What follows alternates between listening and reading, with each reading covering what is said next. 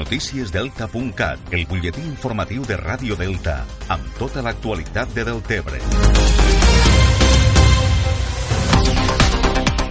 Feminisme, cultura i joventut. Estos són els principals eixos del programa electoral de la CUP de Deltebre per a les eleccions municipals del pròxim dia 26. A quatre dies de començar la campanya electoral, la CUP Deltebre va fer ahir l'acte de presentació del cartell i el programa. El lema de la campanya dels cupaires és Nova mirada, amb el qual volen transmetre la necessitat d'aportar una nova mirada al municipi, una manera diferent de fer política, de manera assembleària, amb participació ciutadana real i amb total transparència València. L'eix feminista estarà present en tots els àmbits d'actuació dels copaires que entenen el feminisme com la lluita per la llibertat, la igualtat, la justícia i la no discriminació. La CUP fa també una aposta per la cultura on es posa en valor els i les artistes locals amb una sala d'exposicions en condicions i una agenda cultural per a totes les edats. També la joventut serà una prioritat per la CUP, un col·lectiu que consideren oblidat i lamenten que no s'hagi posat en pràctica el Pla Local de Joventut aprovat fa dos anys i asseguren que posaran en marxa propostes ambicioses per poder millorar la qualitat de vida i també d'oci del jovent del municipi. El temporal de llevant que va afectar la costa del Delta de l'Ebre per Setmana Santa obligarà el Parc Natural a reposar la senyalització de delimitació de les zones de nidificació d'ocells a la punta del Fangar. Les tasques de senyalització i delimitació amb fil, cordes, pals i senyalització informativa van començar a principis del mes d'abril a les principals àrees de nidificació d'ocells marins i litorals del Delta. L'operació s'haurà de repetir ara a la punta del Fangar després del darrer temporal de llevant.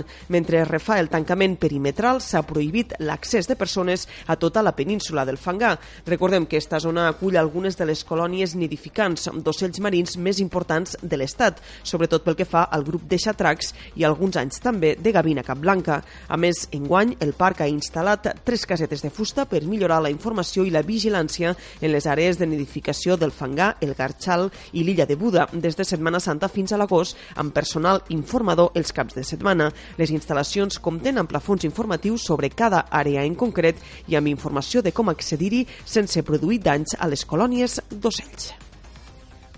El Parlament de Catalunya va aprovar la setmana passada una proposta de resolució presentada pel PSC que demana pal·liar els greuges oferts pel sector aqüícola l'estiu passat.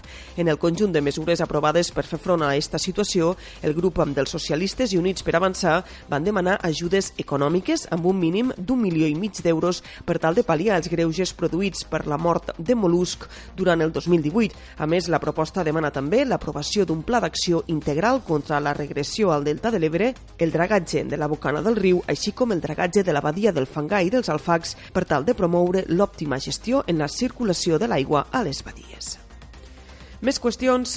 El Port de Deltebre acollirà enguany tres campionats de pesca. A principis del mes de juliol tornarà a celebrar-se l'Open de Pesca Spinning Mar Embarcació i a més es preveu la celebració de dos proves més, un màster de pesca a l'octubre i un altre patrocinat per una empresa italiana al mes de setembre. Juan Vicente Barbas és el president del Club Nàutic Riumar.